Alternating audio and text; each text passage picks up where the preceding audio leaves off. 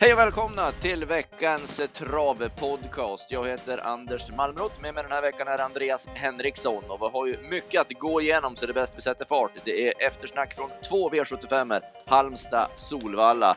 Lite drag inför V86 ska vi bjuda på och en idé inför V75 jackpotten på lördag, så häng med!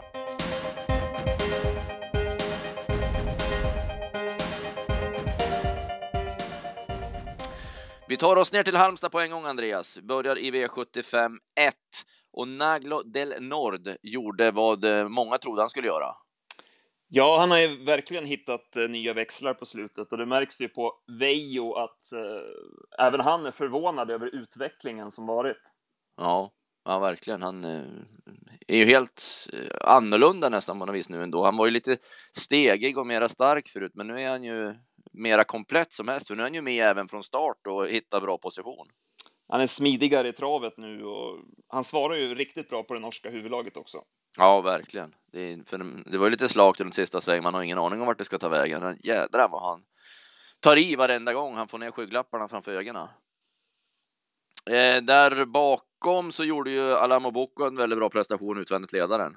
Ja, det var väldigt påställt där från Fleming. Han ville verkligen komma först fram.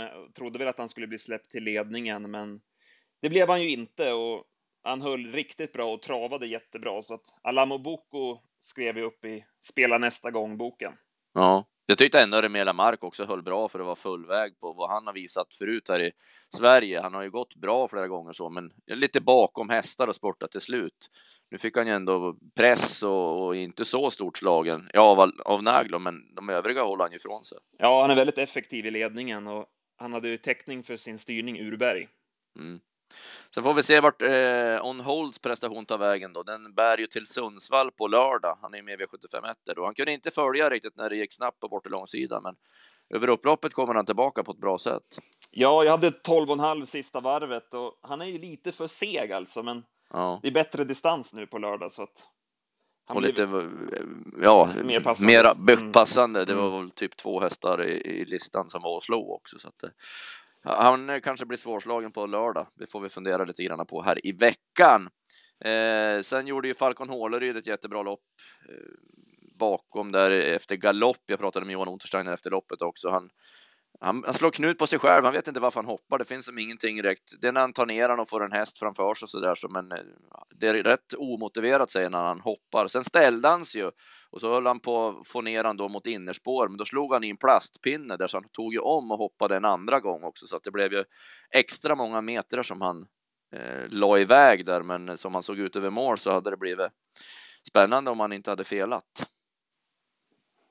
Han ska förresten ut troligtvis eh, Momarken eh, om två veckor igen. Han var lite kluven om det blir Eskilstuna eh, om två veckor, eller Momarken är det om tre veckor då. Eh, för Momarken går ju första meetinget då mot Elitloppshelgen. Eh, så att det lät som troligtvis att han kommer att starta V75 Momarken med Falcon Hålryd som nästa uppgift. Eh, V75 2. Där höll Gordonsson ledningen Ja, det gjorde han ganska enkelt också. Och sen fick han ju bestämma en bit mitt i loppet och han är ju svårslagen eh, spets och 1600 i, i den här klassen. Mm. Ja, Jocke var väl lite tänkt att sätta på helstängt den här starten, men han, han kände väl sig så pass säker ändå i spetsstriden att det inte skulle behövas, så att han behöll det norska huvudlaget och det var ju även oryckt i mål, så att han är ju, han är läcker när han rör sig på banan. Eh, bakom var det Priamo Kaff som gjorde bra lopp utvändigt. Ja, precis. Annars var det väl ingen. Det var ett ganska dåligt lopp det här så att det var bara de två jag tycker som man kan ta med sig.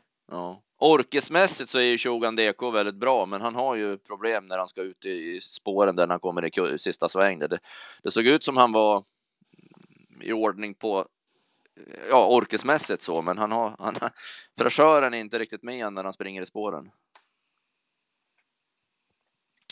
Eh, tredje avdelningen, där har vi Cashis Cantab som vann, men här fanns det en hel del att gå igenom hur det, hur det blev Cashis Cantab. Ja, det var ju kanske framförallt Urbergs eh, taktikval när han väljer bort tredje in med Mr Vida för andra ut. Annars mm. får ju Riff Kronos den positionen och då får ju Cashis Cantab inte fritt till slut. Nej. Tror du att Riff hade vunnit från andra ut? Nej, det tror jag inte. Nej. Vem tror du har vunnit då?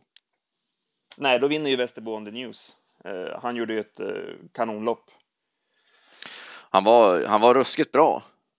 Vilket uh, lopp han gjorde i andra spår, för han sprang ju 10 och 9 i var oktober, november på Åby där, men då gjorde han det från ledningen. Nu fick han ju ändå göra det i andra spår och ta ner Oasis B och hålla emot nästan alla då.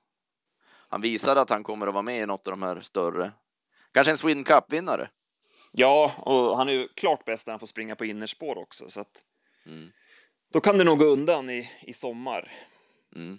Och Rif Kronos visade ju ännu en gång, nu vet vi inte om det var, det kan ju vara något strul med han också, men 1600 meter är inte, han, han har inte den där explosiviteten när de, mot de här bättre hästarna på 1600. Nej, han, eh, han sprang en 11 tid och man tycker att han är dålig ja. till, så att man, spelarna hade lite för höga krav på honom. Eh, ja, och det, det blev ju efter Det den... blev mycket surr om att eh, Västerbotten News eh, gjorde debut i guld och så, men det gör ju egentligen Riff Kronos också. Eller det gjorde han ju förra gången då i Kalmar, men han är ju också ny mot de här hästarna. Han har ju mött en helt annan typ av hästar förut också, där han har tjänat sina pengar.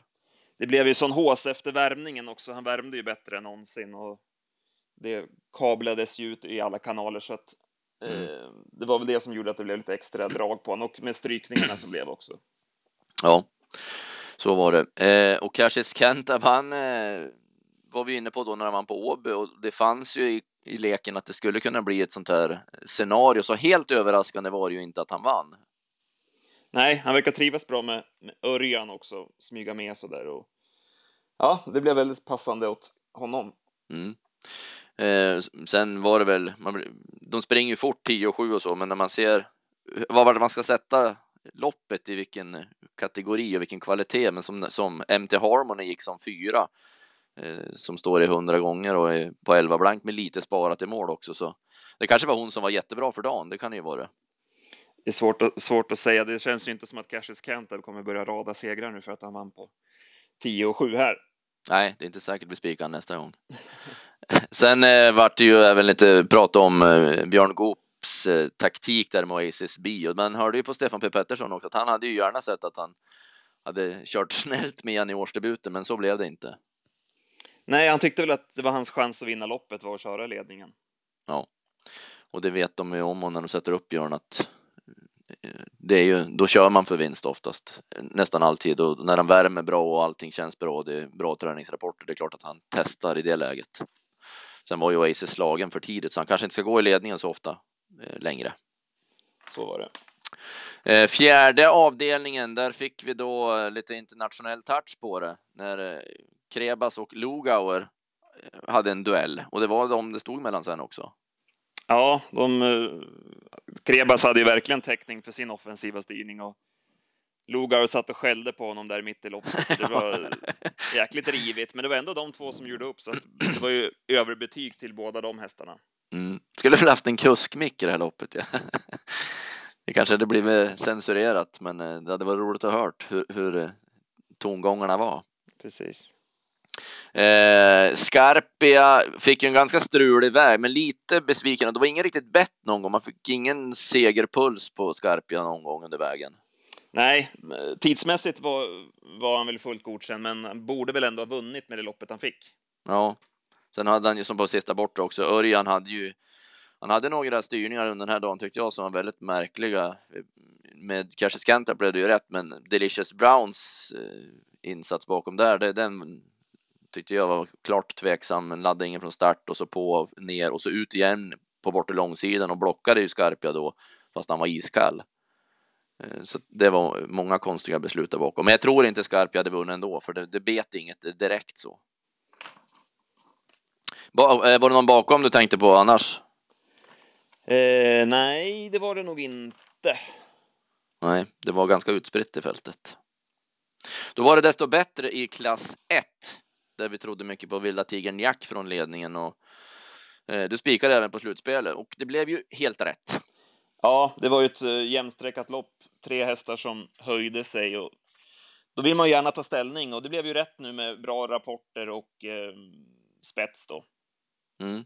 Han öppnade, han har ju öppnat tidigare rätt bra också så att jag kanske var inne på att han skulle få ta över i andra våg, men han lyckades ju svara ut Bogeyman också. Det, det blev ju enkelt på det sättet och det var väl endast runt sista sväng då det stod och vägde eh, som det skulle. Man funderade på att det skulle kunna blivit något annat. Ja, han såg ju stark ut och Spirit Real, men slutade ju trava och galopperade då i sista sväng. Mm. Han klarade inte runt kurvan där så att det, det, var, man kan spekulera i hur det hade gått hit och dit, men han kom ju inte runt svängen så att det var ju som det var nu. Eh, och sen eh, var ju Örjan även med i, i det här loppet med Usain Henna. Ja, det här kanske var hans sämsta styrning, hur han inte kan gå före Johnny Takter. Eh, mm. Han blev kvar där bak i kön och med det slutvarvet Usain Henna levererade så hade det nog blivit svårt att stå emot. Han såg ju helt obrukad ut i stort sett hästen. Det sista steget han har sista hundra, det ser, ut som han tror att han ska springa ett varv till, men han fick aldrig chansen att visa det. Nu var det en snabb bana och ja, vi, vi går ju mot de, de tiderna där man inte ska kolla så mycket på klockan, men Nej. jag hade 11,5 sista varvet och såg helt okörd ut på det. Så ja. Jag hade, hade Oskar kört så, och kört som han gjorde när han vann i Kalmar då, finalen den på 13 blankt, då det hade nog varit bättre. Ja, man kan nog spela den i alla fall nästa gång. Så mycket ja, ja, ja, den, den är en jävla frän, fin, frän häst. Eh, Felicia VE spurtade också bra långt ut i banan. Eh, sen var det många som eh, gjorde bort sig med galopp i det här loppet. Mm. Eh, Bogeyman gör det ju jättebra. Den tvillingen kanske man skulle haft någonting på när om man bara på att det skulle kunna bli spets och ryggledaren 80 gånger ändå på en häst som följde med bra på Axevalla också. Eh, sen hade vi avdelning 6 och här tyckte jag det blev en svår vinnare. Max Bob, han var långt ner för mig. Ja, det, han var klart, klart förbättrad och eh, det blev ju ett eh, lite speciellt lopp det här också. Ja, det, när de är, eh, Ludde kom ut med quick fix och gav sig på Levacious linje direkt i kurvan där också så splittrades ju fältet upp. Och Pedro B såg ju klar ut, men som oftast så har han ju sin sämsta bit till slut. Ja, ja det är märkligt alltså. Det måste vara frustrerande. Han, han går ju jättebra. Och om man vet, om det var en normal häst runt sista sväng och det så tror man att det här vinner Jansson från utvändigt, för han satt ju åkandes då. Men det, det är, han har ruggiga motivationsproblem sista hundra när han har fått vara med lite grann. Det ska vara som i Gävle. Han får fritt kanske då så 50 kvar och bara skjuter till så att han inte hinner fundera. Då kan han nog vinna. Men mm. annars är det jobbigt. Annars, eh, annars var det ju Dream with me, eh, NL, som man tog med sig. Eh, när man såg den i värmningen så fick man ju lite så, kändes som att det var sprinten mesta helgen och mm. Ja, så den såg otroligt, otroligt bra ut. Ja, verkligen. Ja. Och gick ja, den... ett skott efter galoppen där. Ja, han såg inte ut att vara tömd på något vis heller i mål. Så att... Nej, det var en, en snopen galopp för han hade nog inte behövt något speciellt eh, scenario för att vinna det loppet utan det hade nog räckt bara med att han hade gått felfritt i starten. Eh, Diego Mboko hoppar bort så jag skulle göra mm, försöka igen på lördag såg jag. Det var en konstig galopp. Levacious Linde var ingen riktigt bett i ändå, även om det blev en fel när de med spets och det mot eh, quick fix så var det inget tryck i, i henne över upploppet. Eh, avdelning 7 och Windy Ways hade vi tipsetta och tro på och det blev spets efter en bit. Ja, det, det var så vi hade räknat på det också och ja, hon var riktigt bra som, som stod emot dem hela vägen. Mm. Det kändes verkligen inte så när de skulle ut på sista bortre att hon, att hon ska ta emot Geisha då som är dubbelt så stor. Men eh, han ruskade tag i, i henne Björn då och fick öppna på bettet in mot sista sväng där och då var det eh, helt annorlunda på en gång. Ja, verkligen bra och Geisha var väl lite märkt efter den tömningen som hon gick senast. Mm.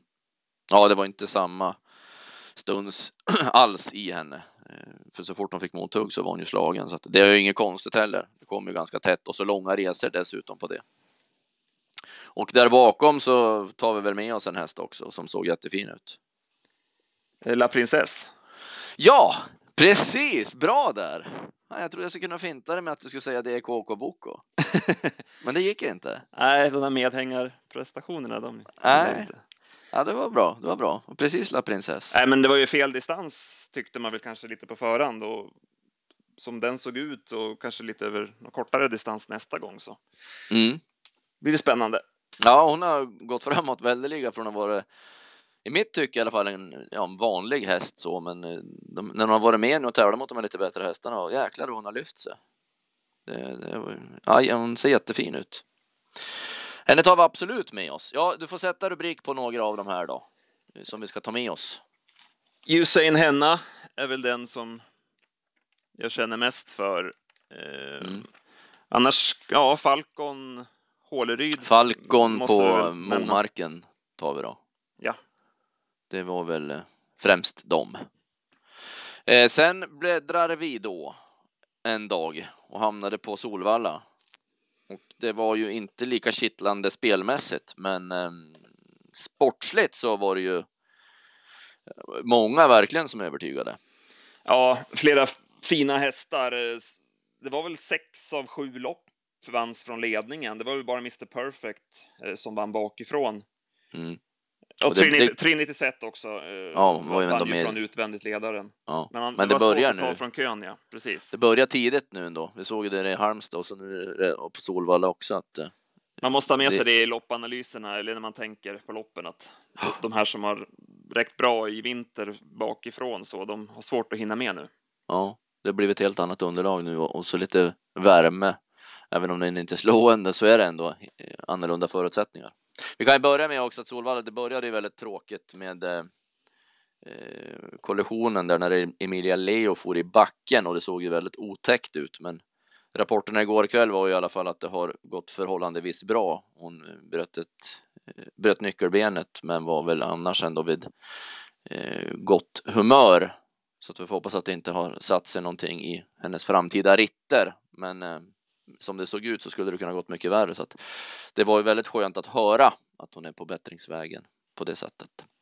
Eh, V75 1 så blev det ju då Bostons credit. Han tog en väldigt lugn start, Erik. Ja, han tog det verkligen på safety och sen kunde han ju köra fram och överta från Ruby och sen var ju eh, loppet över tyckte man, men sen Promise Me utmanade ju rejält in på upploppet. Ja, hon är, hon är jädrigt bra trodde ju på henne senast då på Jägersro, men eh, det här var ju lite andra hästar nu och full väg och så, men det, det var inte mer än att Bostons credit rädda sig undan. Nej, men det är ändå bra av henne att eh, hon visade ändå skallen när hon gick undan. Ja. Eh, så att... ja. ja, det gör hon. Hon är bra. Sen eh, Ruby blev ju alldeles för het. Pullade bort alla krafter. Eh, V75 2 där har vi då um, jättefin häst. Hon är, hon är bra Trinity Set. Hon har lyft sig väldigt nu. Det var ju tredje starten nu då som hon gjorde som hon har varit klart förbättrad i. Ja, vi trodde mycket på henne och eh, hon var ju bara bäst när han körde fram utvändigt och har höjt sig i jänkarvagnen också. Mm. Så att, och siktas ju mot storchampionatet i sommar och det känns ju passande.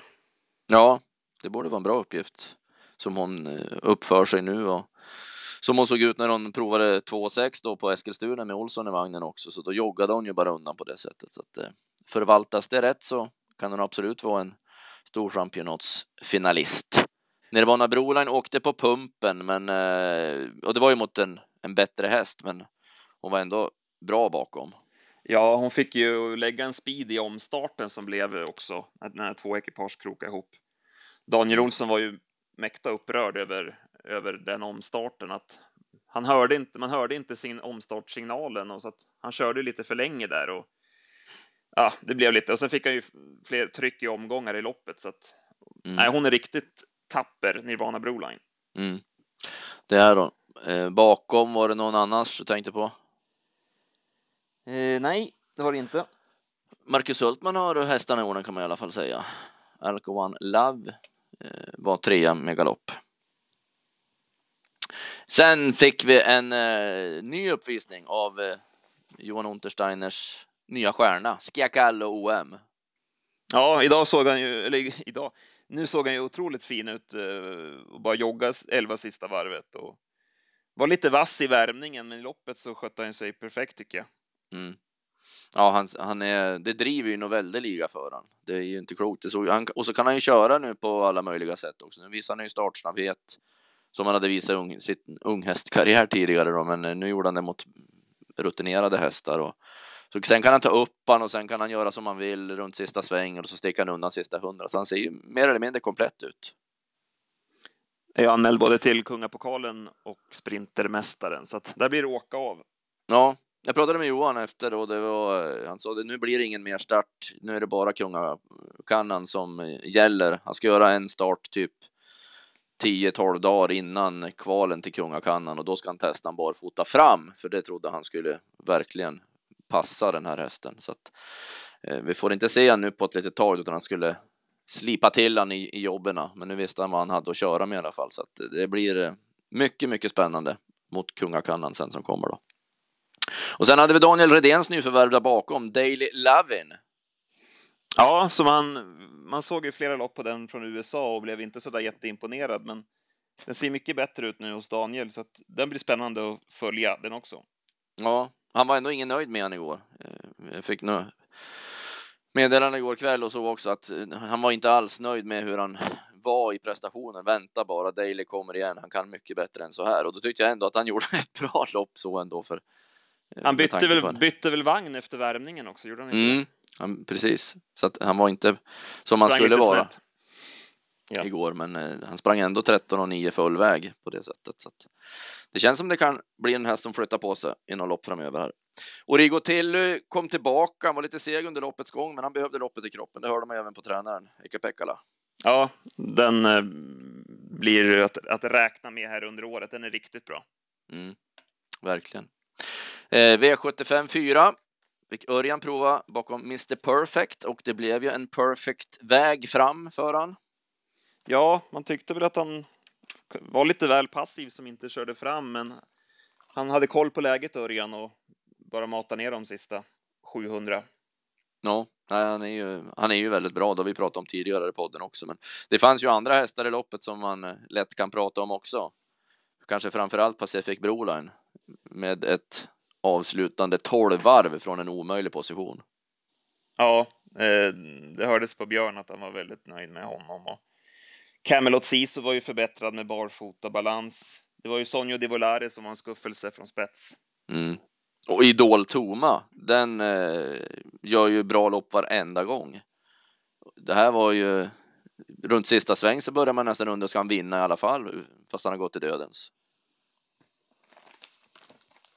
Eh, femte loppet.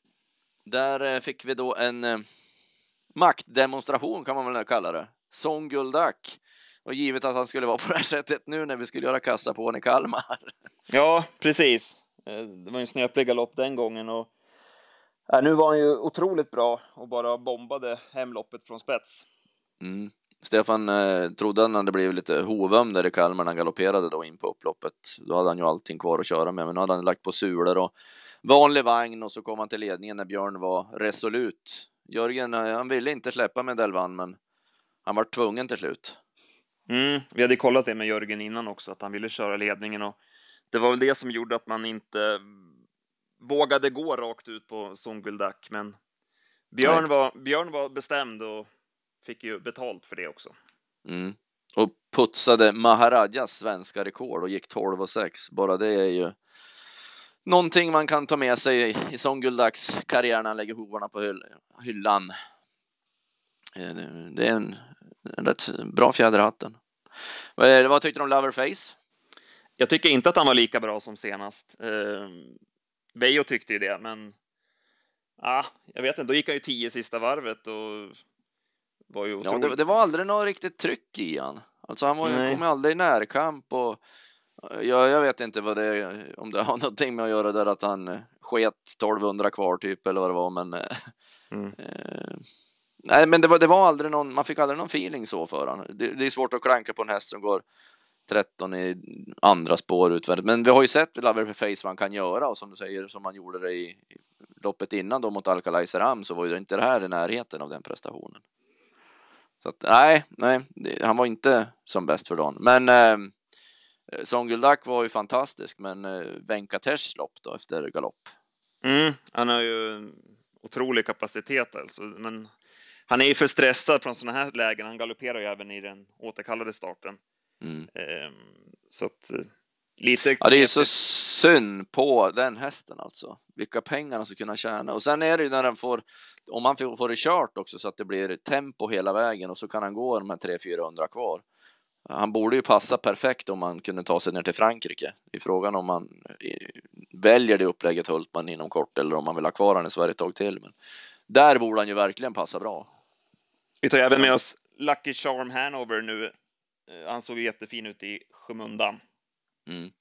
Det gjorde han. Han eh, kom ju invändigt sista biten bara där, men han skulle ju ha ett preparerlopp i stort sett, bara få lopp i kroppen efter att ha haft lite problem. Så att, verkligen är honom. Jag hade 12 eh, sista 2000 på Venkatesh så enligt uppgift så hade han 87 i stallet efteråt och huvan kvar så att en liten passus bara om honom. Det blir lite drag på den nästa gång kanske. Kanske. Det borde det väl bli om inte annat. Eh, sen fortsatte då Hultman och då fick han vinna med eh, random shot. Vi kan ju säga det, han har ju en otrolig form nu på hästarna ändå, Stefan Hultman. Det är ju det är roligt att se de här bra hästarna som vi tycker att de levererar nu också. Ja, eh, otroligt maffiga fina hästar och när de mm. orkar med sig själva så här bra och är så spänstiga som de är nu för dagen så är de ja. svårslagna. Ja, det var ju med random shot också att eh, han var, var lugn och, och sansad hela vägen och det var aldrig i förlustfara någon gång. Nej, han var ju väldigt stressad bakom bilen senast, att man var väl lite så orolig mm. på honom, men det var lugnt. Han uppträdde mycket bättre. Eh, Callum fungerade ju inte alls i, i travet och, och var ju en skuffelse. Dulis var ju den bakom jag tog med mig i alla fall då. Ja, han såg ju slagen ut men kom tillbaka så att han är stark, stark rackare. Han håller farten. Exclusive zon spurtade bra. Ja, det blir svårare och svårare för henne nu när banorna blir snabbare. Ja, hon kommer inte riktigt in i matchen. Eh, och så avslutar vi med en, en till Hultman-seger och Sebastian Sund och nu var det. Ja, vi har hållit på att prata och trott många gånger på Sebastian och nu är han där. Ja, för nu hade han ändå, han hade ju ändå chansen att vika ner sig och man, man har varit lite sådär på skallen på honom, men mm. nej, han gick bara undan och var jättefin barfota runt om och, och bike och hela kittet, det gjorde inte illa heller. Jag vet inte om Erik tror han fick upp någon segerkänsla någon gång med Skrin Louise? Ja, ja, svårt att säga, men eh, det var riktig långsida den gick och fick ut steget mm. bra barfota fram som det såg ut också. Mm. Eh, sen här, här fort fortsatt måste vi plussa för Max Nottsand. Han, han är ju jättebra. Han måste få vinna snart. Mm, den har vi provat ett par gånger på slutet och han är, den är underskattad. Han var ju så nära han skulle ha kommit ner bakom Erik.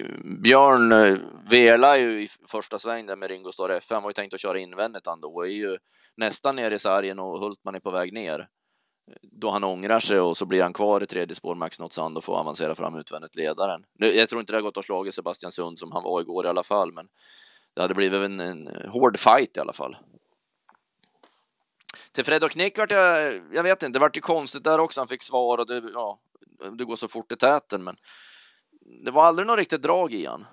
Nej, det var ju, han gick väl med skor nu också. Ja.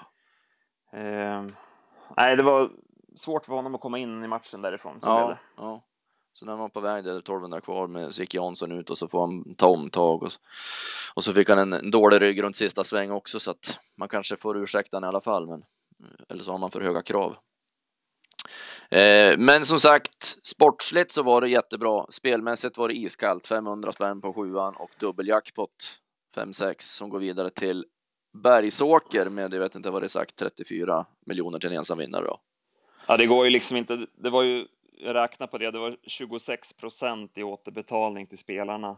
Ja. Det är ju, så man, man kan spela på sportspel och få 97 procents återbetalning, så det förstår man ju att ja, det funkar ju liksom inte i längden, det kommer inte göra det. Eh, så att förhoppningsvis Nej. kan de väl återföra det här V7 alternativet så att man i alla fall kan få två och en halv gånger pengarna. Det blir lite mer Ja, för att spela fler kupong också nu i det läget. Man är ju med i de pott, ja ändå spelar i fem och sex potten som man inte vill göra.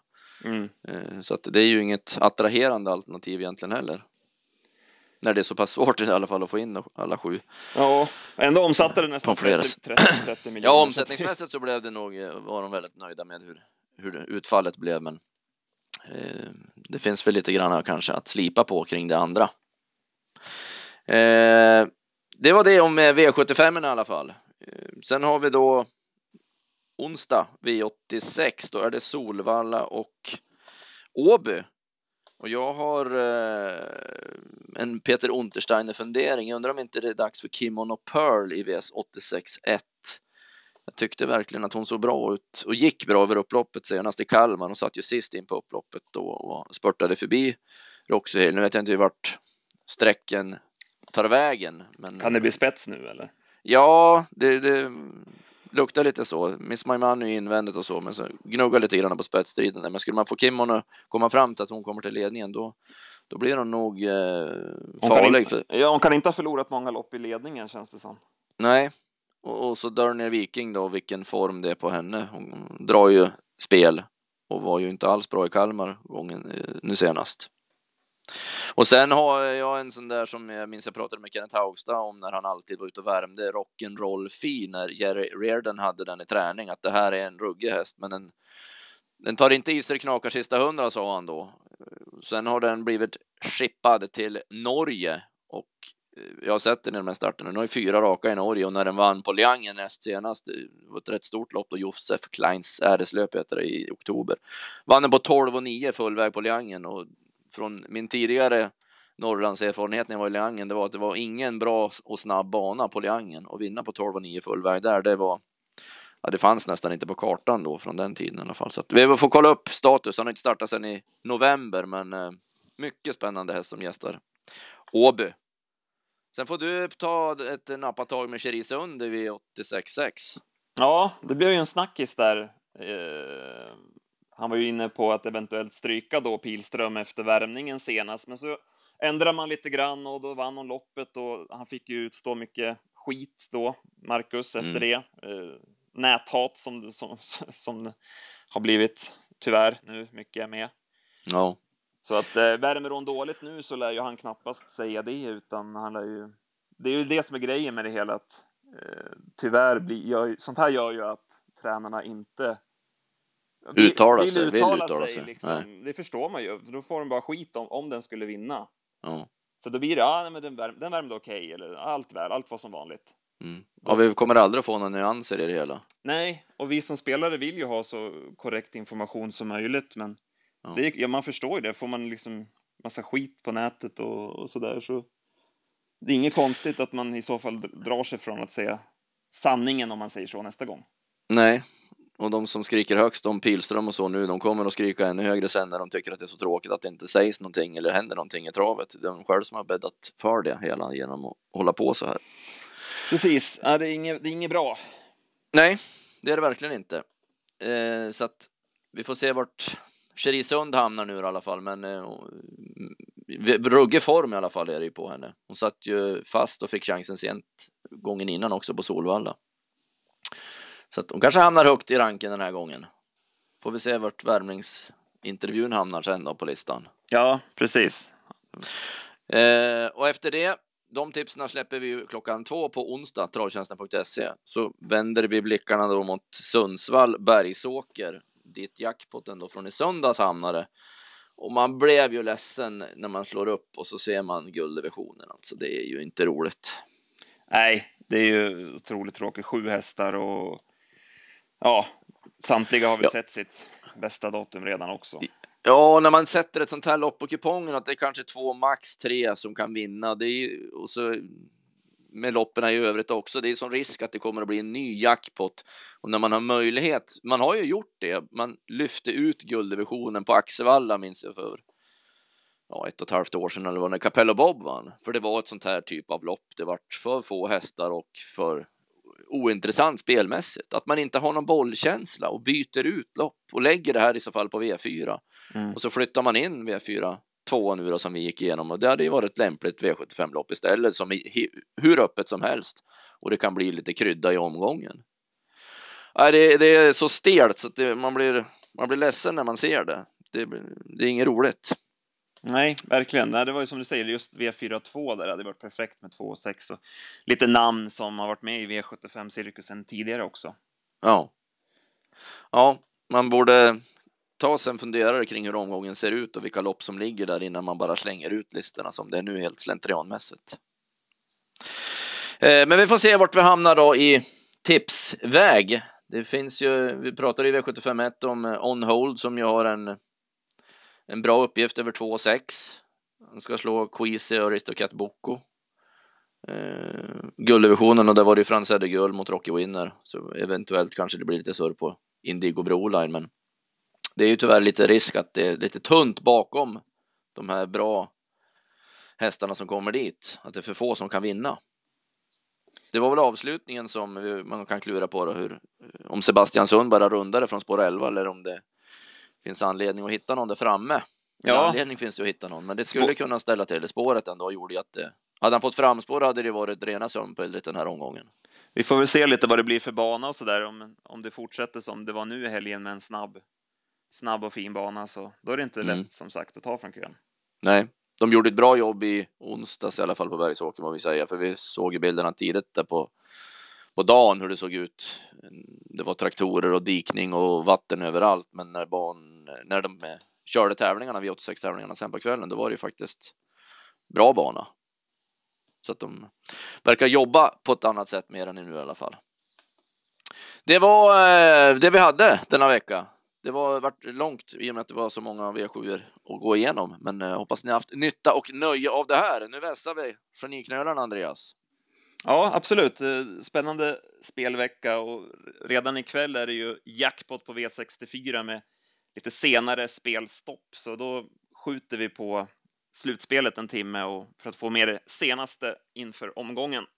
Precis, så att de nya tiderna, de kan du dra som gäller för slutspelet om man ringer och vill höra värmningar och info och balans som gäller. Det är då 1945 V64 och 21 och 15 för dubben och de loppen visas live också på, på tv va?